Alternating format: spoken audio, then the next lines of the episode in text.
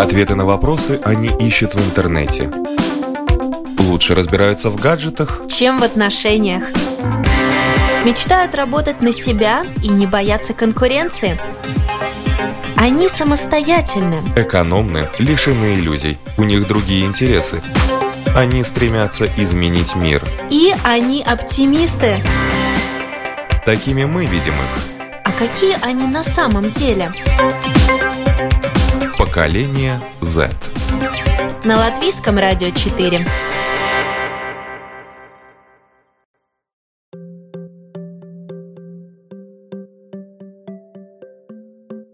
Здравствуйте, уважаемые радиослушатели. У микрофона Марина Талапина, за операторским пультом Томс Шупейка, музыкальный редактор программы Андрей Волков и в эфире программа «Поколение Z». Ребята сегодня предложили поговорить о качестве латвийского образования, насколько оно эффективно. Тема с каждым годом становится все более актуальнее, и то, что об этом уже говорят школьники, лишнее тому подтверждение, на мой взгляд. Я рада представить, у нас сегодня в студии непосредственно школьники Дарья Михаила. Здравствуйте. Айнура Акперова. Здравствуйте. Михаил Олехов. Добрый день. Кирилл Гончаров. Добрый день. И также чуть позже я с удовольствием должна сказать, что к нам присоединится мой коллега, журналист и ведущий на Латвийском радио 4 программы «Домская площадь. Открытый вопрос», который также преподает в школе. Он является учителем литературы и русского языка. Роман э, Шмелев. Ну, первый вопрос, э, ребят, вам, конечно. Почему вы решили поднять эту тему? Наверное, начну я. А, мне кажется, что эта тема сейчас очень актуальна, потому что все задумываются, как развиваться, как быть лучше и конкурентоспособным. И есть моменты в нашем образовании, которые нас волнуют. И в частности, меня больше всего волнуют проблемы с инклюзией учеников в нашу систему образования, так как я тоже с этим сталкивался, что а, мало кто готов пойти на такой шаг и принять в свою школу а, ученика с ограниченными возможностями. Это почему меня эта тема заинтересовала лично.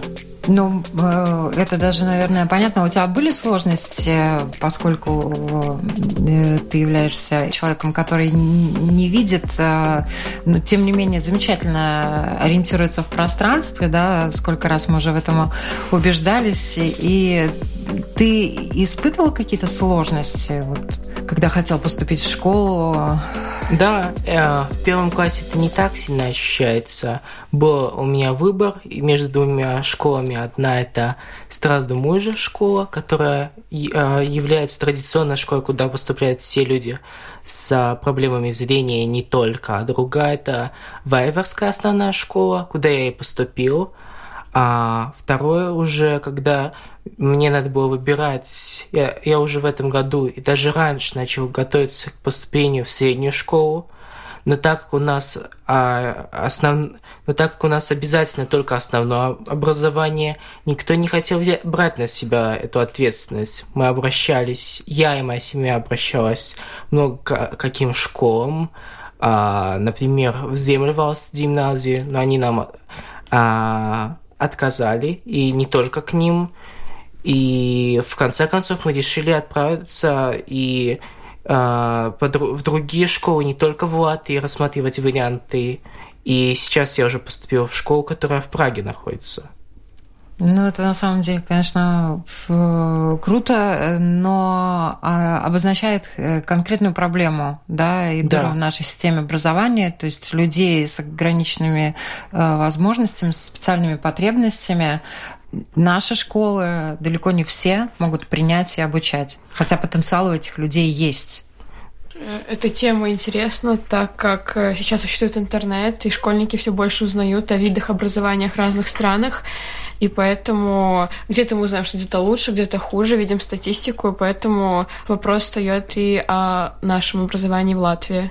Ну, это да, бесспорно. То, что касается Финляндии, я добавлю, например, там э, такой проблемы, с которой столкнулся Миш, вообще нет, да? Там э, всех э, принимают в общеобразовательное да. учреждение, независимо от того, где как. Если ты хочешь учиться, ты живешь и прикреплен к определенной школе, ты туда идешь, и неважно, у тебя ограничены твои возможности или не ограничены. Ну и также всем нам эта тема интересна, потому что мы в первую очередь сейчас школьники, и школа в какой-то веке является нашей жизнью, и поэтому мы сами хотим улучшить жизнь внутри и снаружи, и вот в некоторых моментах как раз таки то, что предоставляет государство, не сочетается с тем, что мы сами желаем, и поэтому мы открыли этот разговор. Хорошо. Так, что вас не удовлетворяет в этом процессе обучения?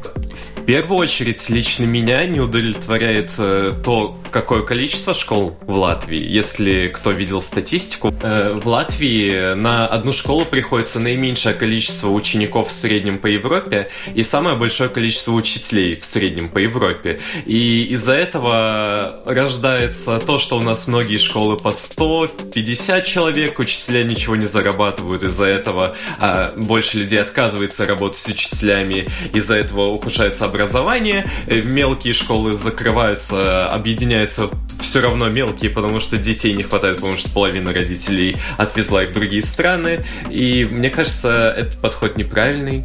И также у нас еще присутствует очень большая дифференциация между разными школами, так же, как и, предположим... Нет а, единой системы, да? нет да? единости. Единого уровня э, подачи э, знаний. Да.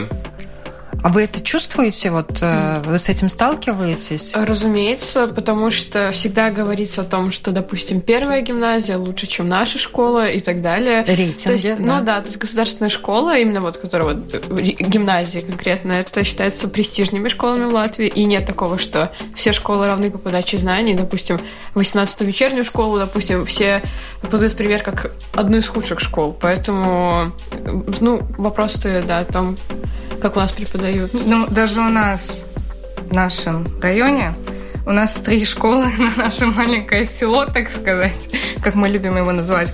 И даже там огромная разница между школами. То есть я говорила с одной девочкой из латышской школы, она говорила о том, насколько огромная разница и насколько у них нет вообще того, что есть у нас. То есть у них даже ну, нету каких-то факультативов или консультаций.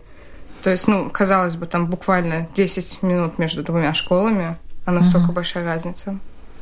Миш, да. А, я не сталкивалась с такой проблемой, что нет факультативов или консультаций. Моя школа предоставляет это. Но я могу сказать, что многие учителя в школах не замотивированы работать с учениками и готовятся к урокам, так как а, зарплаты у наших учителей а, по сравнению со всей Европой достаточно низкие, они из самых низких. И поэтому в многих школах не только от рейтинга зависит, как происходит обучение, но и учителя по- по-разному подходят. Я бы вот эту тему хотела также актуализировать, когда придет э, наш эксперт. Я добавлю немножко э, статистики к тому, что сказала Айнур. Да? В настоящее время выпускники, например, русских школ показывают лучшие результаты на выпускных экзаменах по английскому, немецкому, химии, физике и математике. А, и последние два предмета с большим отрывом. А в латышских школах лучше преподается сам латышский язык и французский язык, но это в среднем, да, выровненные такие э, данные, конечно, учитывая, например, что в ту же первую гимназию для того, чтобы попасть надо сдать экзамен, и там достаточно большой конкурс, поэтому э, школы бесспорно отличаются. Как вы оцениваете уровень преподавания именно в ваших школах? Я считаю, что в моей школе уровень преподавания достаточно высокий, так как все учителя приходят на работу с именно желанием научиться новому, но я считаю, что много, а, большая часть знаний, которые мы получаем, достаточно оторвана от жизни, и нету примеров реального использования их в будущем, потому что достаточно много идет на те вещи, которые останутся теоретические и вот практических применения тех знаний, которые у нас, которые нам дает школа, достаточно редкое явление. Ну вот э, э, эту же проблему поднимают э, и как минус указывают те же латвийцы, которые обучаются, например, за рубежом, сравнивая систему, например, в Англии, да, что там 6, 5-6 предметов дети изучают в течение нескольких лет, у нас 10-12 разница ощутима, и это огромное количество предметов и знаний, э, оно, получается, освоить глубоко невозможно, а по сути, вот как Миша уже указал, э, далеко не все можно потом применить в жизни. И я очень рада, что к нам присоединился, как я уже объявляла, наш специальный гость сегодняшней программы, мой коллега, журналист, ведущий на Латвийском радио, четыре программы «Домская площадь», «Открытый вопрос», который также преподает в школе. Роман Шмелев с нами в студии. Привет. Здравствуйте, Марина, здравствуйте, ребята, здравствуйте, уважаемые радиослушатели. Мы уже начали говорить о том, что э, проблемы в системе э, нашего образования в Латвии есть. И мы обозначили также, например, одна дырка – это люди со специальными потребностями не могут учиться в любой школе да, то есть далеко не все школы могут предоставить э, им возможность обучаться у себя, хотя у этих людей тоже потенциал есть, и они готовы учиться. И вот как Миша, э, например, он вынужден будет уехать э, в другую страну для того, чтобы получить образование. Потом ребята отметили также уровень самого образования по школам очень отличается. А, вот. Как Кирилл сказал, например, э, вообще школ в Латвии слишком а, много, в некоторых школах очень мало учеников, и в среднем по Латвии на количество учеников приходится достаточно большое количество учителей. Если сравнить латвийскую систему образования с другими странами, что вы знаете о том, как учат за рубежом? Может быть, вам доводилось какое-то время за рубежом в школах проводить? А, в плане обучения знаю, что в Финляндии мы посещали Финляндию, когда искали школу, где дальше обучаться. И у них система такая, что в классе ученики распределены по уровням знаний, по уровням того, что они по их возможностям. Есть первый уровень, самый просто второй, третий. А, кроме того, а, кроме финской системы есть еще английская система, как вы уже упоминали, Марина, где есть шесть основных предметов, и их глубоко изучают, и есть еще дополнительные предметы, которые более высокого уровня. Но есть американская система, где есть тоже модули, которые ты выбираешь, и по которым ты идешь в развитии. Это то, что я знаю о системах образования за рубежом. Я знаю, что Кирилл э, готовится поступать после школы в зарубежный вуз, в частности, в английский вуз, да? Вот насколько ты э, чувствуешь свои силы, готовишься ли ты к этому специально или, на твой взгляд, того, что э, дает наша латвийская школа, будет достаточно для поступления? Такой каверзный вопрос, на который я частично ответ знаю. Да, э, могу сказать сразу, того, э, то, что дает э, наше образование, не хватает а, а потому что, например, я буду поступать на химию, и э, все, что в этой отрасли в Латвии, если ты не на химбио, то это очень слабо развито, поэтому я сейчас постоянно по книгам Оксфорда э, учу Э, предметы. И также уровень математики в Латвии э, хоть считается в какой-то веке высоким, но многие темы, которые в той же Англии разбирают э, в их последних классах, в Латвии даже не трогаются, а берутся на первом курсе Латвийского университета. Поэтому это тоже очень такой сложный шаг к реализации себя в другой стране. Угу. То есть для того, чтобы поступить в ВУЗ, надо учиться дополнительно. Помимо той нагрузки, реально, достаточно серьезной нагрузки в школе, которую вы получаете, тебе приходится дополнительно заниматься, да? Um, я, конечно, читала о других школах за рубежом, и э, читала про такую систему образования, как выбор предметов, когда ученику дается определенное количество предметов, которые он должен выбрать на год. И Обязательные предметы можно, у обязательных предметов можно выбрать уровень сложности или можно выбрать предметы, которые тебе симпатизируют. И такая система образования, такой метод образования практикуется в Америке, насколько я знаю, и ну, мне симпатизирует этот метод образования, если быть честно. А наша вот система образования, как, как вы к ней относитесь? Она mm. очень будто бы старомодная. То есть у нас по 8-7 уроков в день, и все они по 40 минут. Иногда за 40 минут ты ничего не делаешь, потому что предмет такой, а иногда за 40 минут ты ничего не успеваешь. И причем ты должен все это учить, чтобы у тебя оценки были хорошие, хотя тебе это неинтересно и не нужно. Вот это одна из основных проблем. Мне интересно услышать мнение учителя русского языка и литературы Мнение по какому вопросу? По поводу системы латвийского образования. На, насколько она эффективна? Но для того, чтобы измерять эффективность, нужно понимать э, цель, да, соотношение средств, ну, да. затрачиваемых на достижение цели.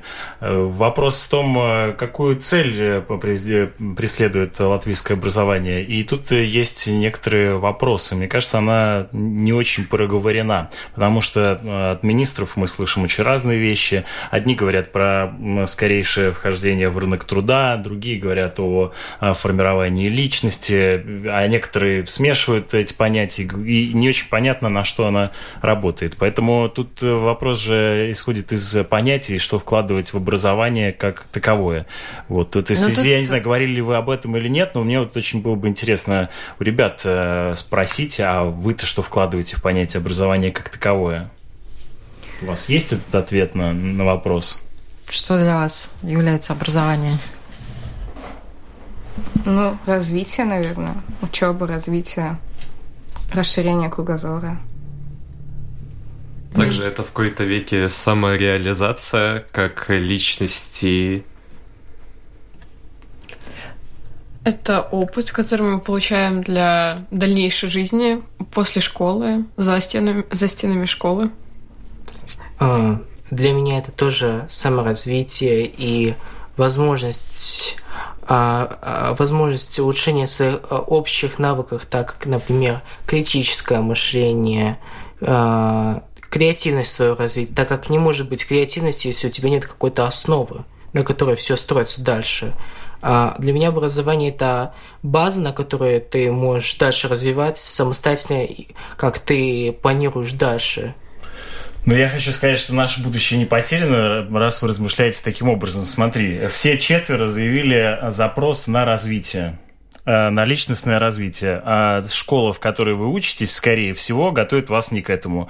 А вот к вопросу, Марина, твоему о том, э, как, на что заточена система латвийского образования, она э, заточена на реализацию основной задачи – это социализация учеников, то есть молодых людей, которые бы впоследствии вошли, получили бы какую-то картину мира и вошли в это общество, э, вышли бы на рынок труда и дальше бы как-то там э, выполняли какую-то социальную функцию. Она очень опосредованно и очень фрагментарно, и иногда ну, за счет конкретных педагогов, которые ну, бессистемно возникает в жизни и образовании учеников, ребят, в частности, реализуют потребность на запрос, о котором они говорят, запрос на саморазвитие.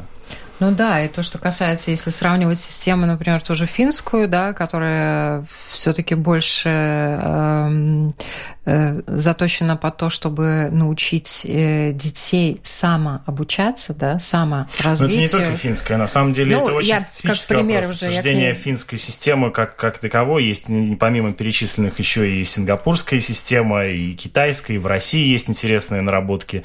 Ну, то есть там это мы сейчас можем потонуть. Бесспорно, да, мы можем потонуть э, бесспорно, но, к сожалению, ты обозначил очень важный э, момент э, по поводу того, и об этом уже говорил также Миша, что, к сожалению, наши преподаватели в большинстве своем не мотивированы. Отчасти не мотивированы тем, что преподаватель вынужден, вот как это происходит сегодня, просить у государства больше денег, да, и э, то, что касается одной из последних новостей, которая как раз сегодня упала, э, Латвийский профсоюз работников образования и науки обратился в Еврокомиссию, указав на несоблюдение закона при разработке бюджета 2019 года.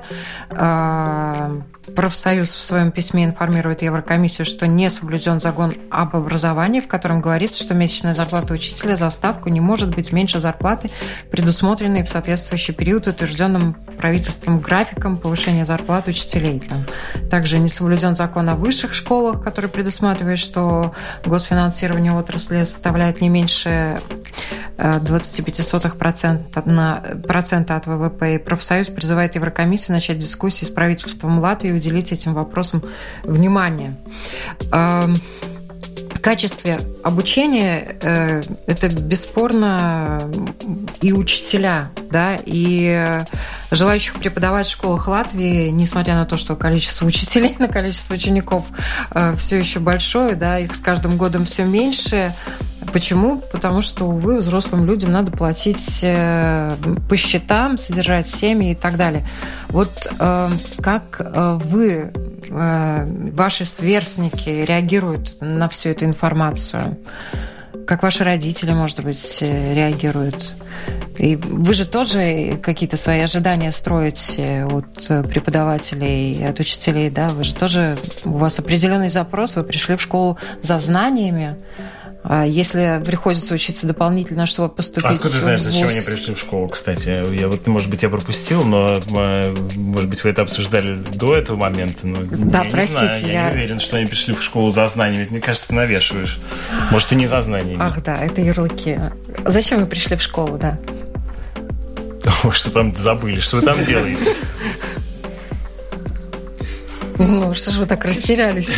Ну как? Нет. Это банально звучит. Да, Я да, пришел в школу за знаниями. за знаниями. Да. Но вопрос, за какими знаниями? Килограмм знаний, да.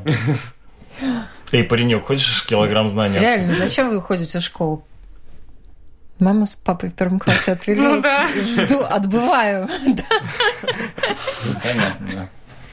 Не, ну, еще нам повезло с учителями, я считаю. То есть учителя, если ты покажешь свой энтузиазм, они как бы будут с тобой вместе подниматься. Я считаю, что мы можем к любому учителю подойти после уроков или до уроков, и они с тобой посидят, обсудят тему, может быть, даже дальше пойдут с собой не по программе. У нас так со многими учителями. Поэтому еще, да, не только для учебы, но еще и для саморазвития в школу можно ходить. Шок, шок. Не, ну, кстати, действительно, если посмотреть на настроение, с которым первоклассники идут в школу, да, это же э, всегда праздник. Э, да. Дети, во-первых, заинтересованы в том, чтобы узнавать что-то новое, и потому что они, у них есть естественное такое качество характера, Может как, быть, как они любопытство. что они ушли а потом из детского сада. Наверное, тоже, да, важно, да. Кирилл, а вот у меня появился вопрос. Вот если первоклассники идут счастливы, то почему последующие поколения не идут счастливыми в школу? Угу. На последний звонок в 12 ну. Ну, по, по опыту вы обратите на, собственно, как менялось ваше отношение к школе с, с годами. Ты помнишь, как э, менялось твое отношение? Тебе сейчас нравится ходить в школу? Если честно, я был человеком, кому всегда было все равно. На самом Вообще факт. всегда все равно? С первого класса. Мне просто сказали, ты идешь, ты идешь туда, потому что тебе это нужно. А может быть, тебе школа вообще не нужна, в принципе, как э, форма получения собственного образования изначально? Нет, она нужна, потому что человек не сможет сформировать способность саморазвития без начальной базы, которая у него есть. Ну, почему ее необходимо получать в классах, где 30 человек, э, у конкретного преподавателя, который э, учился там и преподает предмет э, на протяжении последних 40 лет. Один и тот же. Потому что, скорее всего, они будут более компетентны, чем большинство родителей, которое могло бы дать то же самое, но это бы ну, для этого потребовалось большое количество времени, а они занимаются не тем по жизни. А, я не соглашусь с Кириллом, что только ради знаний мы идем в школу. А, школа все-таки это социализация, и человек это все-таки социальное животное. И кроме того, я, я помню свое ощущение в первом и втором классе. Первый класс – это ощущение каждый день что-то новое. И ты прям бежишь в, эту, э, бежишь в школу с, с улыбкой, а сейчас я это вспоминаю, для меня это какой-то удивление, как это так могло быть, почему, Во-во. почему это ушло. А у тебя есть ответ на этот вопрос, кстати? Пытался найти, но так и не нашел. Без- э, безразличие как-то нарастает, э, и сейчас мне не, не все равно, как Кириллу, но нет такого уже, что такого беспокойства, ой, я не пойду завтра в школу. Уже как-то это сглаживается. Ну а в чем причина? Давайте покопаем. Я не знаю, почему перестали получать удовольствие от учебы, и если перестали, да, это, это перегрузки вот эти, которые по 8 уроков э, ежедневно, этот марафон 9 месяцев в году. После школы происходит то, что мы приходим домой и просто валимся без задних ног, а еще нужно делать уроки, еще должно оставаться время да, для саморазвития, потому что ты ездишь еще на разные кружки, и это тоже сложно дается. И я хожу в школу, потому что, ну, как бы это еще социальная среда, как говорил э, Миша, и э, там, во-первых, я общаюсь с людьми, э, получаю опыт в общении, не знаю, как сказать это, и Э, Также я хожу на уроки, которые мне... Ну, я хожу на все уроки, но некоторые уроки мне интереснее, чем другие. И на, на которые я делаю упор. И в остальном мне тоже все равно. Для меня это уже такая мысль в голове, что ну, ты должна сегодня идти в школу. У меня нет такого, что радость или несчастье, что должна идти в школу, а просто ну, ты идешь в школу и все, как бы это нейтрально уже воспринимается мной. Да, вот, кстати, про то, что говорил, да, что, что э, со временем человек просто находит себя, и он понимает, с- что ему реально интересно в школе и что нет. И поэтому э, ребенок еще не понимает этого всего, и поэтому ему, его интересует абсолютно все. Ближе к старшим классам он вот, например, понимает, мне очень не нравится физика, физика мне не нужна. Но при этом он все равно ходит, и поэтому вот пропадает вот это ощущение полной радости, что ты все новое узнаешь. Еще в начальной школе у тебя большинство предметов ведет один и тот же учитель. Тебе не нужно быстро как-то менять свое поведение и подстраиваться под учителя, потому что у нас сейчас уже в старшей средней школе. Школа? Средняя сре- школа? Средняя школа, каждый раз Сред- разные учителя. Да, и каждый раз у учителя разное настроение, ты не знаешь, что тебе делать. Ну, ну, есть еще, ну, как бы, ну, с учителем могут быть какие-то личные проблемы, когда учитель, ну, недолюбливает тебя или еще что-то. И настроение у учителя, вот тут, конечно, тоже другие системы образования хочется привести в пример, что, например, в некоторых странах запрещено э, ругать детей, в некоторых странах запрещено даже называть публично оценки детей. Э, В некоторых странах сдают экзамен только в 12 классе, и несмотря на это, там их э, дети, их школьники показывают очень успешные результаты по тестам. Да, то есть Казалось бы, где-то что-то медленнее происходит, но на выходе э, уровень образования получается лучше, круче, дети больше мотивированы э, на самообразование, на то же, да, большая часть идет в старшие классы и так далее. Что с нами не так? Или А. с нами все так? А Я думаю, что отчасти скука э, сменяет любопытство и мотивация падает, э, потому что э, учащиеся не очень понимают, что они там делают. А, видимо, это... Да, вот видите, видите. э, Да, и вот так как они понимают, что это определенная социальная обязанность, которую они должны выполнять с утра до, до, до, Чтобы до не расстраивать дня родителей, да? чтобы не расстраивать родителей. Да, но по большому счету, вот помимо социализации и, ну, ладно, допустим, еще какого-то там знакомления с некоторым пакетом, багажом знаний, ну, э, что это им лично, исполняет ли это их, э, удовлетворяет ли это их запросу на развитие, о котором они сами говорят, э, ну, кажется, что не совсем. Тут отчасти надо понимать, конечно, э, отдавать себе отчет, что э, учащийся начинает формироваться как субъект собственной де- об- образовательной деятельности только там к шестому, восьмому классу в лучших случаях при правильном сопровождении экспертном, преподавательском, ну и, кстати, родительском немаловажно. Вот. Но по большому счету, если оставить ребенка на самотек, то вот он э, и будет э, болтаться, что называется, в, школе, Ну, да. да, и, и из него ничего как бы... Если его не, не подтолкнуть, не, не направить, то Не со- у, у самого... Ну, самого у него это может не появиться. Ну, что касается мотивации, то мотивация, вообще говоря, только на самом деле всегда бывает внутренняя, то есть ее иногда можно помочь раскрыть и сформулировать, но она все равно происходит, э, формируется в самой личности. Бесспорно.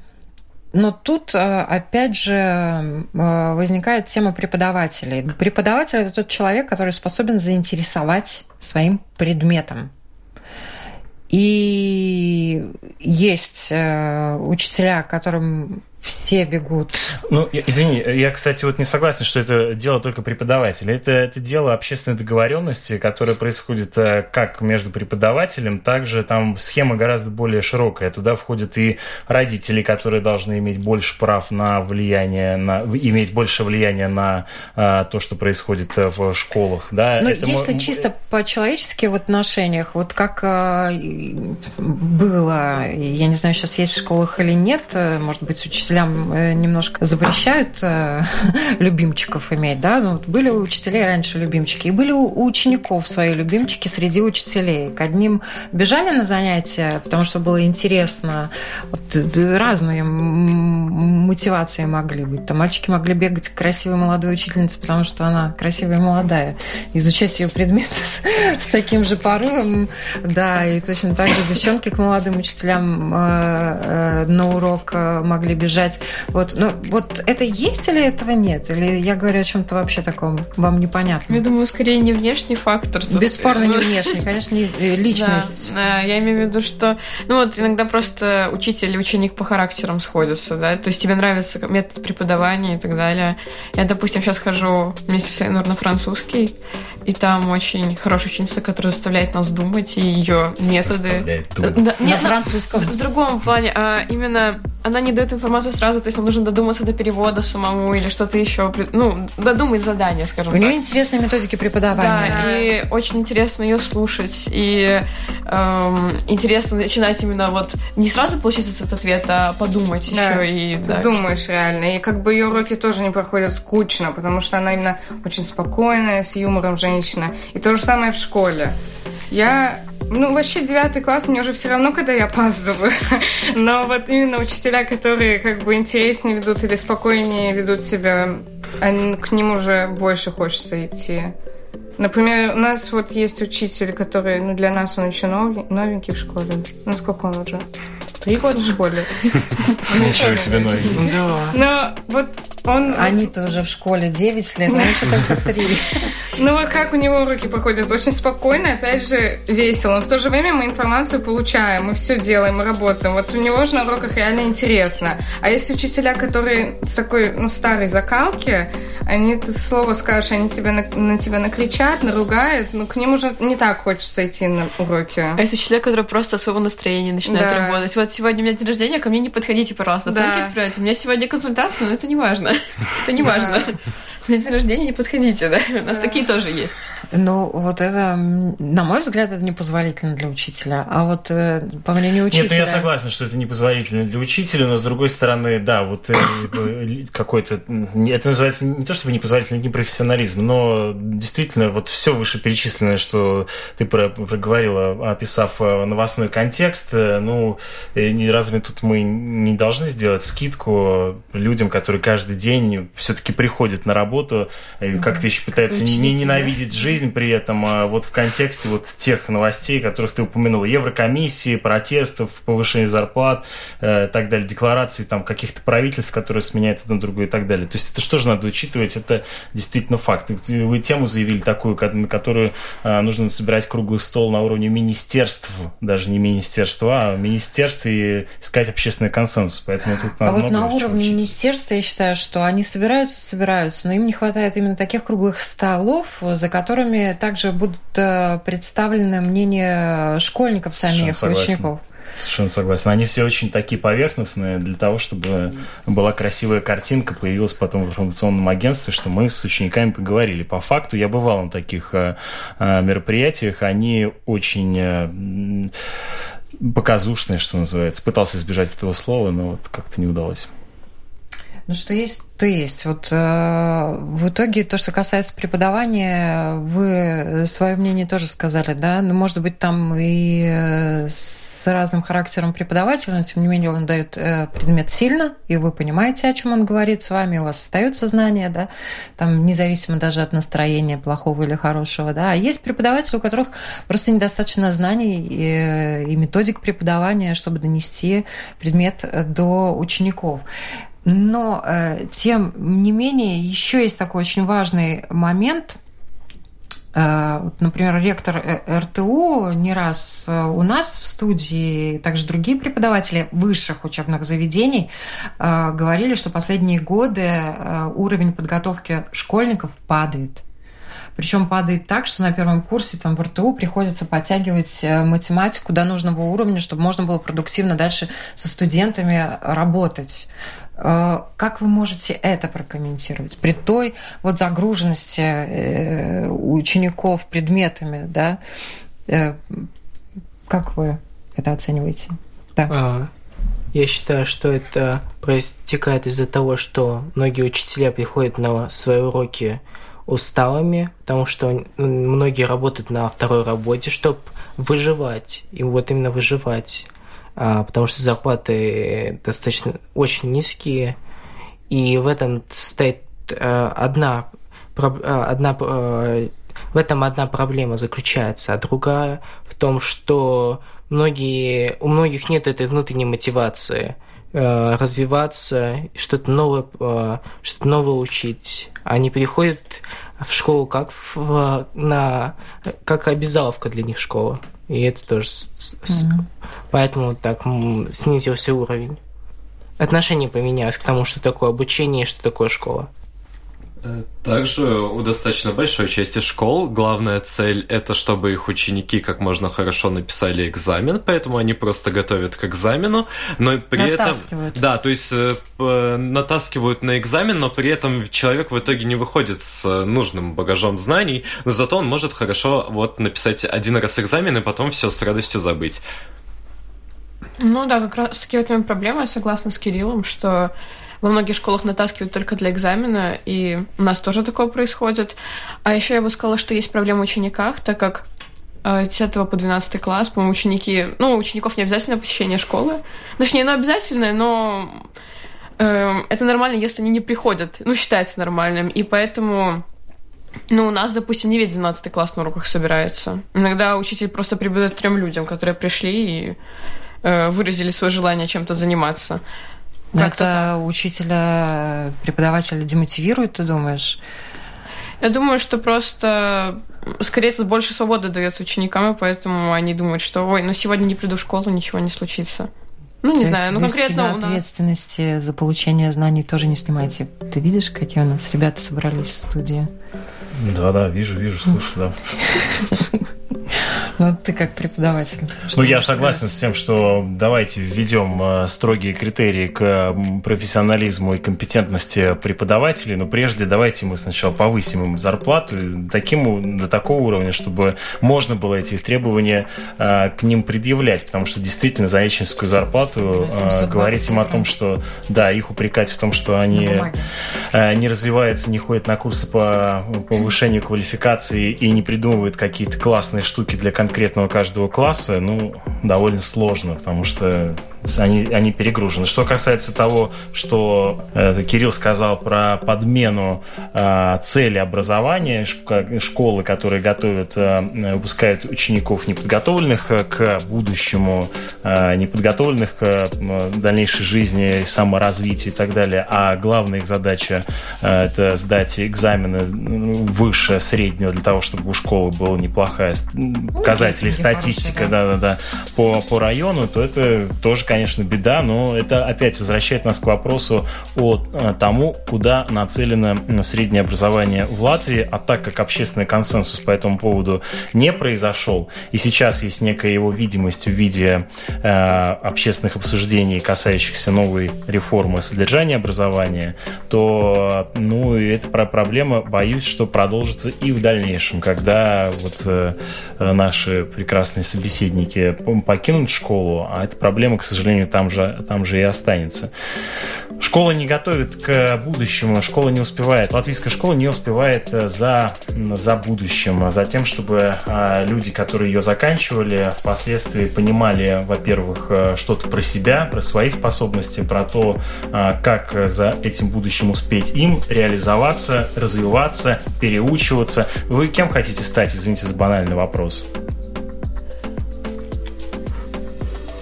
Ну, хотя бы общее направление. Химик, да? А, да, да, да. Хорошо, химик. Миш, А, я хочу стать музыкантом, но у меня дополнительно к обычной школе музыкальная школа, где мне дают все знания. Музыка, хорошо. Международные отношения. Международные отношения. То же самое, да. Постоянно об этом говорим с Ну, тобой. кстати, э, здорово, что здесь не прозвучало там, не знаю, на профессии вроде там бухгалтер, логист, э, что-нибудь такое. Э, Профессии, которые через несколько лет, ну, десятков лет ближайших уже не будет. Оксфордский университет несколько лет назад а, провел довольно серьезные исследования, где они просчитывали и пришли к выводу, что рынок труда к 2030 году, то есть уже сравнительно скоро, э, изменится таким образом, э, что 50% существующих на данный момент профессий просто исчезнут, они будут заменяться другими людьми. Поэтому, условно говоря, сейчас вот э, наших собеседников готовить к вот этим профессиям, которые исчезнут уже через 10 лет, ну, Ну это да. просто самоубийство системы образования. Да, это безответственно. Я, поскольку слово реформа тоже прозвучало, вот то, что касается реформирования школ, я позволю себе высказать свое мнение.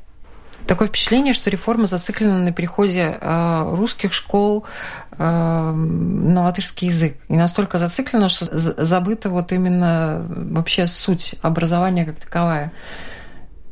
Только мое Я мнение. следил за этим э, вопросом и за, за тем процессом, который сейчас происходит, переход на компетентностное образование. Безусловно, к- понятие компетенции должно перестать быть э, ругательным, и, безусловно, этот переход необходимо осуществить. Э, Ну, э, интересное такое, знаешь, э, наблюдение, когда ко мне приходили на протяжении последнего полутора, полутора лет чиновники из Министерства образования, сам министр, э, глава службы э, содержания образования, э, и все они очень по-разному определяли это понятие.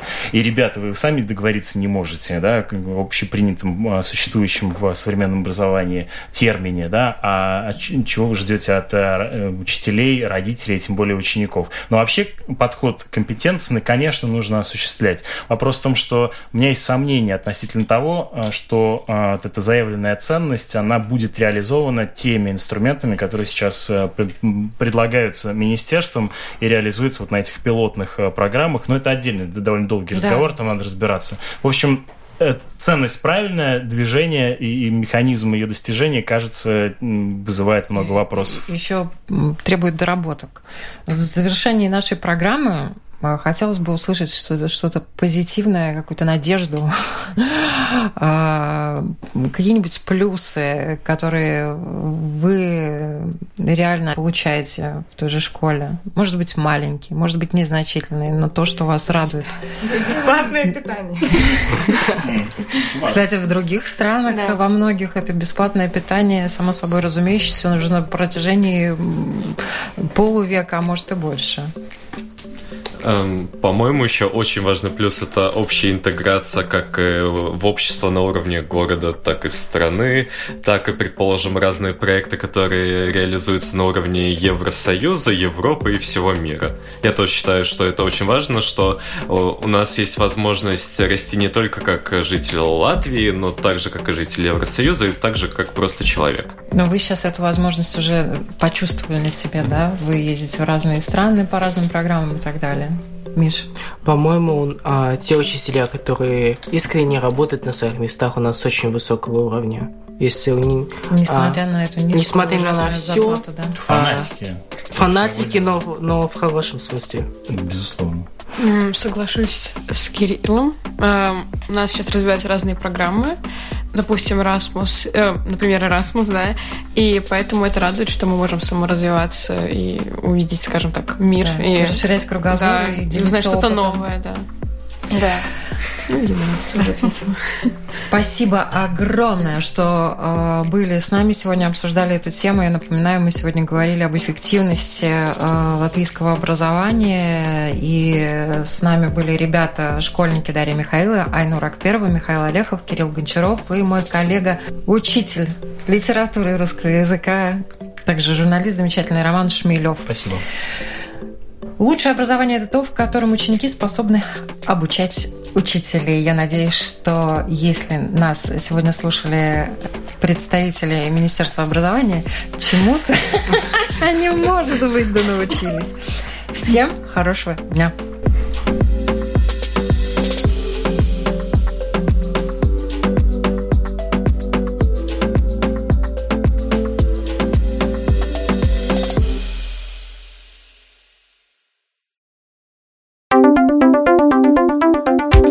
Ответы на вопросы они ищут в интернете. Лучше разбираются в гаджетах, Чем в отношениях? Мечтают работать на себя и не бояться конкуренции? Они самостоятельны. экономны, лишены иллюзий. У них другие интересы. Они стремятся изменить мир. И они оптимисты. Такими мы видим их. А какие они на самом деле? Поколение Z. На Латвийском радио 4.